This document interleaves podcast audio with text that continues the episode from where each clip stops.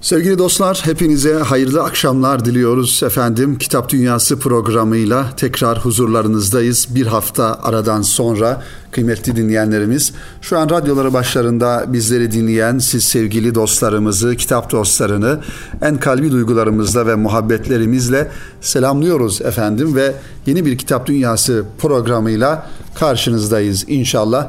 Bize ayrılan süre içerisinde sizler için hazırlamış olduğumuz güzel kitapları ve güzel konuları inşallah e, dilimizin döndüğünce aktarmaya çalışacağız sevgili dinleyenler. Efendim Erkam yayınlarından geçtiğimiz e, haftalarda çok önemli bir çalışma, bir kitap çıktı ve e, gerçekten yayın dünyası adına sevindirici haberleri, kitapları duyunca da e, ayrı bir e, mutluluk duyuyoruz kıymetli dinleyenlerimiz. Eminiz ki siz de aynı duyguları e, yaşıyorsunuzdur. Profesör Doktor Hamdi Döndüren hocanın 10 ciltten oluşan bir eseri Ahkamul Kur'an, Kur'an-ı Kerim ve Fıkhi Tefsiri ismiyle Erkam yayınlarının uzun ve titiz bir çalışması neticesinde efendim e, kitap dostlarına e, sunulmuş olduğu bu çalışma kıymetli dinleyenlerimiz. Tabi inşallah gönül ister e, kıymetli hocamızla Hamdi Döndüren hocamızla bu kitap üzerine e, bir söyleşi gerçekleştirelim. Gerçi bu manada Altınoluk dergisinin Haziran sayısında sevgili dinleyenler Haziran sayısında kıymetli hocamızla bir röportaj yapıldı. Ahkamul Kur'an çerçevesinde bu kitabın nasıl hazırlandığını, kimlere hitap ettiğini, nasıl okunması gerektiği noktasında güzel sorularla hocamızın da cevaplarıyla bir söyleşi yapılmış oldu. Ee, inşallah onu da okursunuz, istifade edersiniz. Ama radyomuzda da, Erkam Radyo'da da e, ve Kitap Dünyası programında da inşallah böyle bir e, programı, böyle bir söyleşiyi gerçekleştirmeyi arzu ediyoruz sevgili dinleyenler. Ahkamul Kur'an sevgili dostlar belki isim olarak tanıdık gelebilir. Zira daha önceki yıllarda e, aynı isimle e, tefsir kitaplarının olduğunu da ifade etmek lazım. Ancak e, son yıllarda hazırlanan, yazılan e, ve bu kitabın diğer tefsirlerden en önemli ayırıcı özelliği fıkhi bir tefsir olması hususiyeti. Yani Kur'an-ı Kerim'deki özellikle hüküm ayetlerini kıymetli hocamız zamanımızın ihtiyaçlarına binaen fıkhi soruların cevapları mahiyetinde o ayeti kelimeleri bu şekilde izah etmiş, açıklamış ve bu çalışmanın, bu eserin, bu tefsirin e, bu yönünü daha çok ön plana çıkarmış kıymetli dinleyenlerimiz. Efendim Erkam yayınlarından çıktığını ifade ettik. Toplamda 10 cilt olan bir çalışma sevgili dostlar ve e, her bir kitap e, 700 sayfa e, civarında yani 7000 sayfa toplamda bir e, eser olmuş oluyor. Tabii ki tefsir okumaları gerçekten uzun bir e, zamana yayılması gereken ve Kur'an-ı Kerim'i her birimizin çok daha güzel bir şekilde, isabetli bir şekilde anlayabilmemiz için okumamız gereken kitaplardır, tefsir kitapları. Tabii sadece e, bu kitapla yetinmemek gerekir. E, daha önceki yıllarda yazılmış olan ve ayeti kerimelere farklı bakış açıları getiren güzel kitaplar, güzel tefsirler olduğunu da ifade etmek lazım. Mutlaka evimizde, kütüphanemizde de bir tefsir kitabının e, bulunması gerektiğini de söyleyelim sevgili dinleyenler. Tabi birinci cilt elimde şu an diğer ciltlerde 10 cilt dedik bu çalışma. Erkam yayınlarından bu kitap temin edilebilir sevgili dostlar. 10 ciltten oluştuğunu ifade ettik. Kitabımızın bu tefsir kitabının birinci cildinin baş taraflarında ön söz bölümünde kıymetli hocamız bu tefsir çalışmasına dair bir giriş yazısı kaleme almış. Daha doğrusu ön sözden sonra uzun bir giriş yazısı var.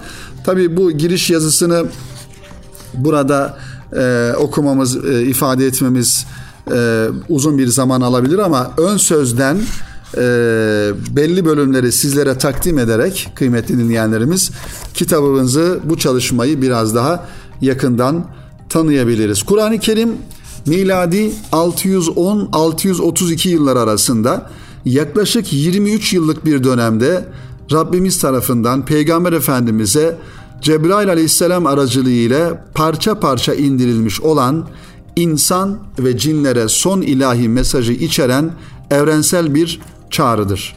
Kur'an-ı Kerim'in aslında tanımını yaparak Kur'an-ı Kerim nedir sorusunun cevabını vererek hocamız bu kitaba başlamış oluyor. Metni sözlü olarak gelmiş ve sahabeden bu işle görevlendirilen vahiy katipleri tarafından o günkü yazı malzemesiyle üzerine yazılmıştır. O günkü yazı malzemesi üzerine e, sözlü olarak gelen ayet-i kerimeler yazıya geçirilmiş. Bu yazılı belgeler Peygamber Efendimizin vefatından sonra Hz. Ebu Bekir Ali, e, radıyallahu anh'ın halifeliği döneminde Zeyd bin Sabit başkanlığındaki bir heyet tarafından her ayet ve sure en az iki şahitle tevsik edilerek yani vesikalandırılarak aslında bir manada bir e, kağıt üzerine dökülerek imam adı verilen el yazması Mushaf-ı Şerif nüshası oluşmuştur. Yani buradan şunu da anlıyoruz kıymetli dinleyenlerimiz. Kur'an-ı Kerim'in bir kitap haline getiriliş sürecindeki titizliği, hassasiyeti öyle gelişi güzel olmadığını ve Hazreti Ebu Bekir radıyallahu anh'ın döneminde, halifeliği döneminde ki ondan önce zaten Kur'an-ı Kerim'in muhafazası Efendimiz zamanında birçok e, hafız tarafından yani Kur'an-ı Kerim'i ayetleri ezberleyenler tarafından e, bir manada zihinlerde muhafaza edilmişti. Zaten Peygamber Efendimizin vefatından sonra Hazreti Ebu Bekir'in halifeliği çok kısa bir zaman dilimi yani hemen akabinde halife olduğuna göre Hazreti Ebu Bekir'in de ilk işi Kur'an-ı Kerim'in ayetlerini toplayarak ki bu konuda bir komisyon oluşturarak e, Kur'an-ı Kerim ayetlerini bir kitap haline getirilmiş olması yani Mushaf-ı Şerif e, olarak e, ortaya e, konulmuş oluyor. Hazreti Ömer'in kızı Hafsa radıyallahu anhaya teslim edilen bu nüsha Hazreti Osman radıyallahu anh'ın halifeliği sırasında yine Zeyd bin Sabit başkanlığındaki bir komisyon tarafından birkaç nüsha çoğaltılarak belirli merkezlere gönderilmiştir. Zaten bir e, hani zaman zaman karşımıza çıkan bir sorudur bu. Kur'an-ı Kerim kimin zamanında e, top yani kitap haline getirildi?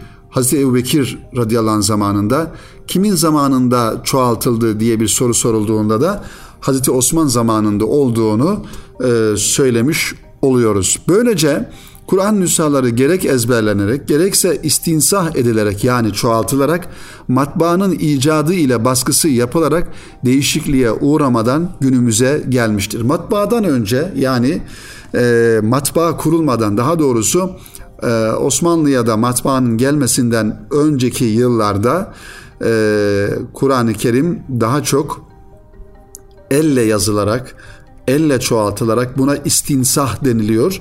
E, çoğaltılarak kitap halinde yaygınlaştırılmıştır.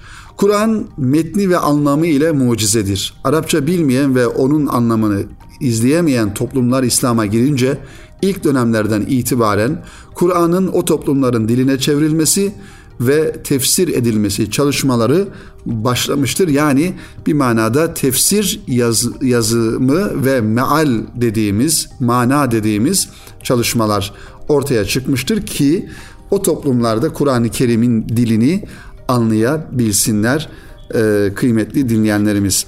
Kur'an-ı Kerim'in birçok ayetlerini Peygamber Efendimiz döneminin şartlarını ve ayetlerin hangi olaylar üzerine indiği dikkate almadan tam olarak kavrayamak mümkün olmaz. Yani e, ayet-i kerimelerin nüzul sebeplerini, indiği şartları ve indiği toplumun sosyal yapısını bilmeden Kur'an-ı Kerim'in ayetlerini e, anlamak veya kavramak biraz zor olsa gerek. Çoğu zaman isim vermeden Bedir, Uhud, Hendek savaşları ve Mekke'nin fethi gibi olaylar ve bunlarla ilgili savaş hükümleri çeşitli surelere serpiştirilmiş olarak yer alır. Yine peygamber kıssaları, toplumların helak edilişleri kısa e, kısa anlatımla hikmetli ve ibretli yönleri belirtilerek e, Kur'an-ı Kerim'de ifade edilir. Bütün bunların anlaşılıp açıklanması bu savaş, kıssa ve olayların sağlam kaynaklardan ayrıca incelenmesi gerekir. Sevgili dinleyenler, diğer taraftan e, fert, aile ve toplumla ilgili hükümlerin hangi olaylar ve şartlar altında indiğinin tespiti başka bir ifadeyle az önce de ifade ettiğimiz gibi nüzul sebebi e, hükmü doğru olarak anlamamıza yardımcı olur diyor e, hocamız Kur'an-ı Kerim'in e, muhtevasına dair e, ifadeleri bize takdim ederken. Diyor ki e, sevgili dinleyenler Kur'an-ı Kerim e, tefsiri, fıkhi tefsiri, ahkamul Kur'an tefsiri ile alakalı e, nasıl bir e, çalışma takip etmiş kıymetli hocamız? E, şu ifadeleri görüyoruz burada e, okuyucu ilgi duyduğu ya da karşılaştığı bir konuyu indeksten yararlanarak kısa sürede bizzat araştırma imkanını bulabilir ki bu çalışmanın 10. cildi e, daha çok indeks dediğimiz yani konularına göre efendim alfabetik sıraya göre surelerin dizimine göre e, şahıs isimlerine göre bir indeks hazırlandı. Yani diyelim ki mesela e, zekatla ilgili bir ayeti bulmak istiyorsunuz ve e, bu konuda e, nasıl bir tefsir yapılmış, nasıl bir açıklama yapılmış bunu okumak istiyorsunuz. Hemen ilgili cilt içerisinde indekse baktığınızda Z harfinden zekatla ilgili ayetleri, surelerin adlarını ve ayet numaralarını bir arada görerek direkt o cildi o cilde gidip oradaki e, bölüme bakmış oluyorsunuz. Yani e, indeks sevgili dinleyenler malum özellikle bu şekilde hacimli e, çalışmalarda, eserlerde indeks dediğimiz hadise çok önem, ehemmiyet arz ediyor. Bugün belki internet üzerinde bir konuyu araştıracağımız zaman hemen bir arama motoruna kelimeyi yazıp ilgili dokümanlar önümüze hızlı bir şekilde gelse de işte aslında bu arama motorları çıkmadan önce e, kitapların sonundaki indeks dediğimiz bölümler bu görevi e, ifa ediyordu. Kolay bir şekilde konuya ulaşabilme noktasında. Evet, ayetlerin birbiriyle bağlantısı kurulduğu, nesih konusunun e, konusuna dikkat edildiği için okuyucunun ayetlerin anlamları üzerinde düşünürken bir yanlışlığa düşmeyeceğini de umarız diyor. Çalışmamızda hüküm ayetlerinin tefsirine özel ehemmiyet vermeye çalıştık. Başta da ifade ettiğimiz gibi ki bu çalışma bir fıkhi tefsir olduğundan dolayı hüküm ayetleri daha geniş açıklanmış ve hüküm ayetlerinin altında da sevgili dinleyenler mezhep imamlarının fıkhi görüşleri veya farklı görüşlerde burada e, bura, e, görüşlere de burada yer verilmiş e, hocamızın e, ifadesiyle. Yine bu çalışmamızda gerek meal gerek tefsir kısmında e, bablar e, yani bölüm başları olarak e, her e, Kur'an-ı Kerim'de malumunuz ayın dediğimiz yani duraklarda ayınla biten ve ayınla başlayan e, bölümler her birisi müstakil olarak bir konuyu ifade eder. Yani secavent dediğimiz ayınlardan ayınlara aradaki konu müstakil bir konuyu anlatır. Bunu Kur'an-ı Kerim ilmine vakıf olan e, hocalarımız da insanlar da bileceklerdir. Hocamız da buna dikkat etmiş. Yani her ayından sonra bir bab bir sonraki ayın harfine kadar durağa kadar bir bab olarak belirlemiş ve e, okuyucunun bu manada konu bütünlüğü olan yerleri daha açık görmesini sağlamayı hedeflemiş sevgili dinleyenlerimiz. Evet e, kıymetli dostlar tabi e, burada şöyle bir bakalım e, kıymetli hocamızın kitapla alakalı e, açıklamasını ön sözünü okurken farklı tefsirlere de atıflarda bulunduğunu mesela e, Elmalılı Hamdi Yazır merhum, Hasan Basri Çantay, Mustafa Sabri Efendi gibi büyük zatların ve tefsir müfessirlerin de e, isimlerini burada andığını görüyoruz ve kitapla alakalı bir ön sözünde de Mehmet Akif merhumun e, şu ifadelerine yer veriyor ve Kur'an-ı Kerim'i e, hayatımızın bir parçası haline getirmemiz, hayatımızın her noktasında Kur'an olması gerektiğini e, ifade sadedinde ya açar Nazım Celil'in bakarız yaprağına yahut üfler geçeriz bir ölünün toprağına. İnmemiştir hele Kur'an şunu hakkıyla bilin ne mezarlıkta okunmak ne de fal bakmak için diyor e, merhum Mehmet Akif Ersoy işte Kur'an-ı Kerim'i de bu şekilde e, yapraklarına bakmak için ya da bir ölünün toprağına üzerine okumak için değil onu tam manasıyla hayatımızın merkezine koyarak ve hayatımızı Kur'an merkezli bir hayat olması noktasında e, tanzim etmek için e, bu ifadeleri de burada e, almış oluyor kıymetli Hamdi Döndüren hocamız sevgili dinleyenler. E, tefsir okuması bu manada önemli ki bu kitapta yeni çıktı. Erkam yayınlarının internet sitesinden kitapla alakalı hem detaylı bilgilere e, ulaşabilirsiniz. Kıymetli dostlar inceleyebilirsiniz ve mutlaka bir Ahkamul Kur'an e, fıkhi tefsirinin kütüphanenizde olması kütüphanenize e, efendim zenginlik kazandırır, bir e, bereket kazandırır diye düşünüyoruz ve bu kitabı sizlere şiddetle tavsiye ediyoruz sevgili dinleyenlerimiz.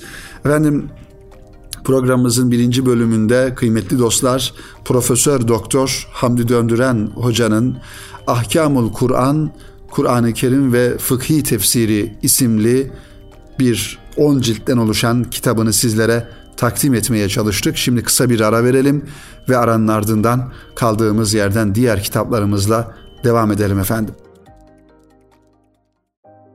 Sevgili dostlar tekrar huzurlarınızdayız. Kitap Dünyası programının ikinci bölümünde kaldığımız yerden devam ediyoruz efendim. Yüz Akı yayıncılıktan çıkan bir kitapla devam ediyoruz kıymetli dostlar. Emekli bir hakimin e, hatıralarından oluşan ve Anadolu İrfanı başlığıyla okuyucuya sunulan bir kitaptan sizlere bahsetmek istiyorum.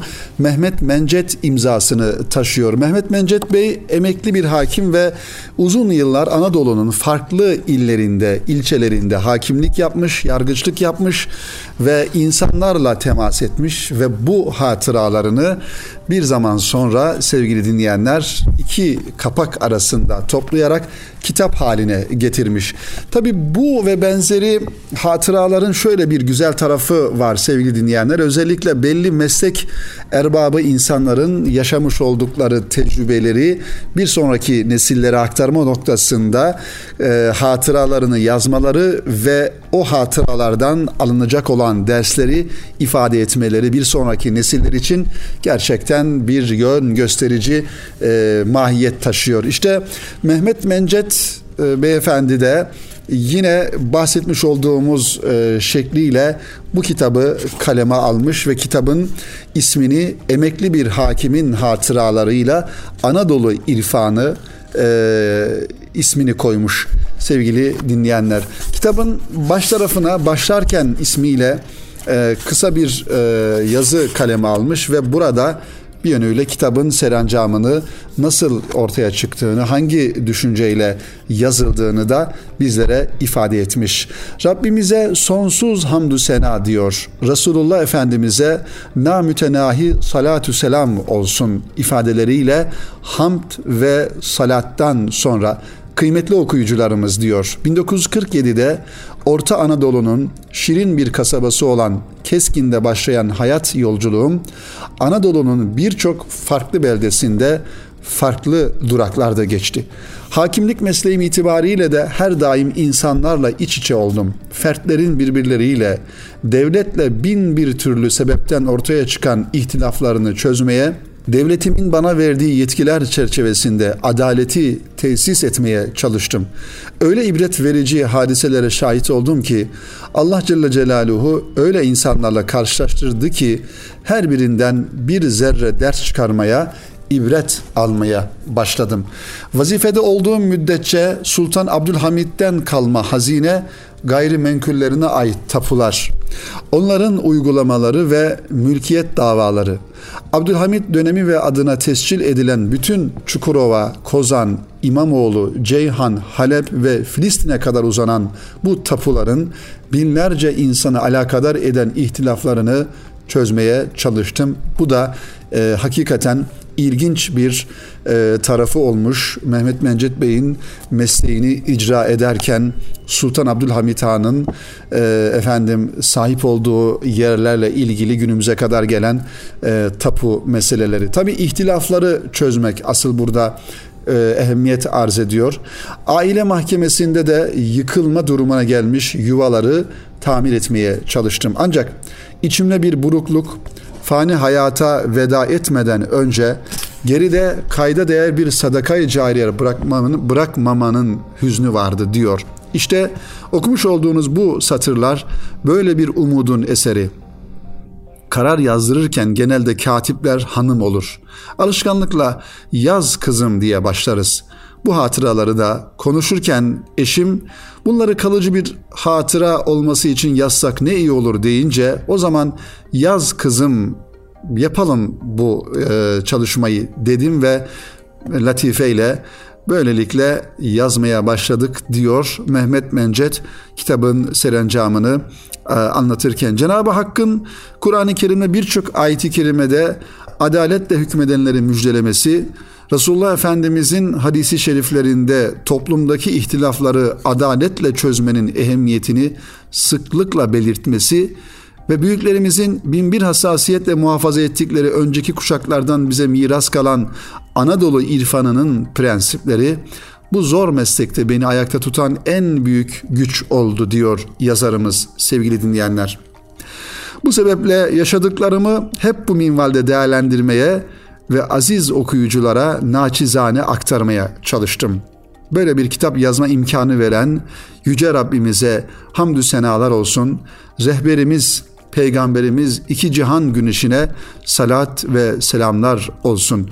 Her birimizin kendisine has bir hayatı var ama yine hepimizin birbirimizin hayatından çıkaracağı dersler ve ibretler var. Siz aziz okuyucuların gönlünü, ufkunu, toplumun temeli olan adalet duygusunu zenginleştirecek, hayata ve insanlara farklı bakış açılarıyla sunup yüreğinizin derinliklerinde düşündürebilirsek e, bu yazdıklarım bu kubbede hoş bir sada bırakmaya vesile olacak. Selam ve dua ile Mehmet Mencet imzasıyla böyle bir başlarken yazısı kitabın içerisinde daha doğrusu başında e, bizleri karşılıyor ve tabii ki bir hatırat kitabı olduğunu da ifade edelim e, sevgili dostlar. Hatırat kitaplarının e, gerçekten bir hemhal olma, kendimizi bu hatıraları anlatan insanın yerine koyma ve buradan da birçok e, ibret alma gibi e, güzel tarafları var. Bu kitabı da sizlere aktarmış olduk. Mehmet Mencet Bey'e teşekkür ediyoruz. Kitap Yüz Akı yayınlarından çıktı. Tekrar ifade edelim. Emekli bir hakimin hatıralarıyla Anadolu İrfanı ismiyle temin etmenizi de arzu ederiz sevgili dinleyenlerimiz. Farklı bir kitapla devam edelim sevgili kitap dostları. Her zaman gönül gündemimizde olması gereken bir konuyu Taha Kılınç kaleme almış. Aşina kitaptan çıkan 168 sayfadan oluşan ve 2018 yılında yayına e, yayınlanan bir kitap Kudüs yazıları ismiyle. Taha Kılınç'ın özellikle Orta Doğu ile alakalı yazıları ve düşünceleri gerçekten kayda değer, okunması ve takip edilmesi gereken muhtevada yazılar. Kendisine ayrıca teşekkürlerimizi arz ediyoruz. İşte Kudüs yazıları da belki Kudüs'ü, Mescid-i Aksa'yı, Filistin davasını biraz daha e, sağlıklı anlayabilme, okuyabilme noktasında bize yardımcı olur. Bir mesele hakkında ne yapacağımızı çoğu zaman biliriz fakat nereden başlayacağımızı ya da nasıl yapacağımızı planlama noktasında sıkıntı çekeriz. Aklımızda sistemli bir bütün oluşturmak dünyanın en ağır işi haline gelebilir. Tam da bu sebepten çoğu zaman sorumluluklarımızı ya hakkıyla yerine getiremeyiz ya da hayallerimizi erteleriz. Bu daha kolay gelir diyor Ayşe Yazıcılar Okur dergisinde Kudüs Yazıları isimli kitabını bize kitabı bize takdim ederken. Kudüs meselemiz de bu durumdan payını alır. Biliyoruz ki Kudüs gönül coğrafyamızın en mutena merkezlerinden biridir. İkinci Abdülhamid'in benzetmesiyle bu coğrafya canlı bir beden gibidir. Üzerinde ameliyata izin vermeyeceğini ifade eder merhum Abdülhamid Han Hazretleri. Günümüzde bu canlı beden üzerinde bir ameliyat gerçekleştiriliyor. Orada vurulan neşter burada bizim canımızı yakıyor. Bu durum karşısında alınması gereken pozisyon bellidir. Fakat bu tepkinin dışa vurumu çoğu zaman slogan atmanın, hamasi konuşmalar yapmanın, romantik törenlerin ötesine geçmiyor. Gazeteci yazar Taha Kılınç tam da bu noktadan hareketle bilgi temelli bir katkı olarak Kudüs üzerine kaleme aldığı metinleri Kudüs yazıları adı altında kitaplaştırmış. Az önce de ifade ettiğimiz gibi.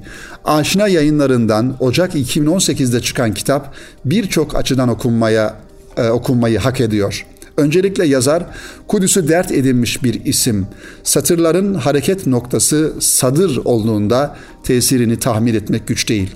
Tek solukta okunan, bununla beraber insanı nefes nefese bırakan bir etkisi var kitabı okumadan önce ve okuduktan sonra diye bir Kudüs algısı oluşacağından şüphe etmemek lazım. Büyük kazanımlar uğruna Yahudilerin de öldüğü saldırı eylemlerini olumlayan yani kaz gelecek yerden tavuk esirgenmez diyen Yahudi liderleri yaşanan hadiseler örnek gösterilerek anlatılıyor kitabın satırları, sayfaları arasında. Yazarın dikkat çektiği en önemli noktalardan birisi şüphesiz şaşırma eşiğinin kaybolması. Bunu da medyada yapılan paylaşımların o coğrafyada yaşananları sıralanıştırması ve neticede dikkatimizi bile çekemez hale gelmesi olarak açıklıyor ki çok haklı bir yaklaşım bazen bazı şeyleri çok paylaşmak, çok gündemde tutmak e, farkındalığı ortadan kayıp kay, e, kaldırıyor, sıradan bir hale getiriyor. İşte tesirini azaltması noktasında da maalesef bu konuda bunlardan bir tanesi.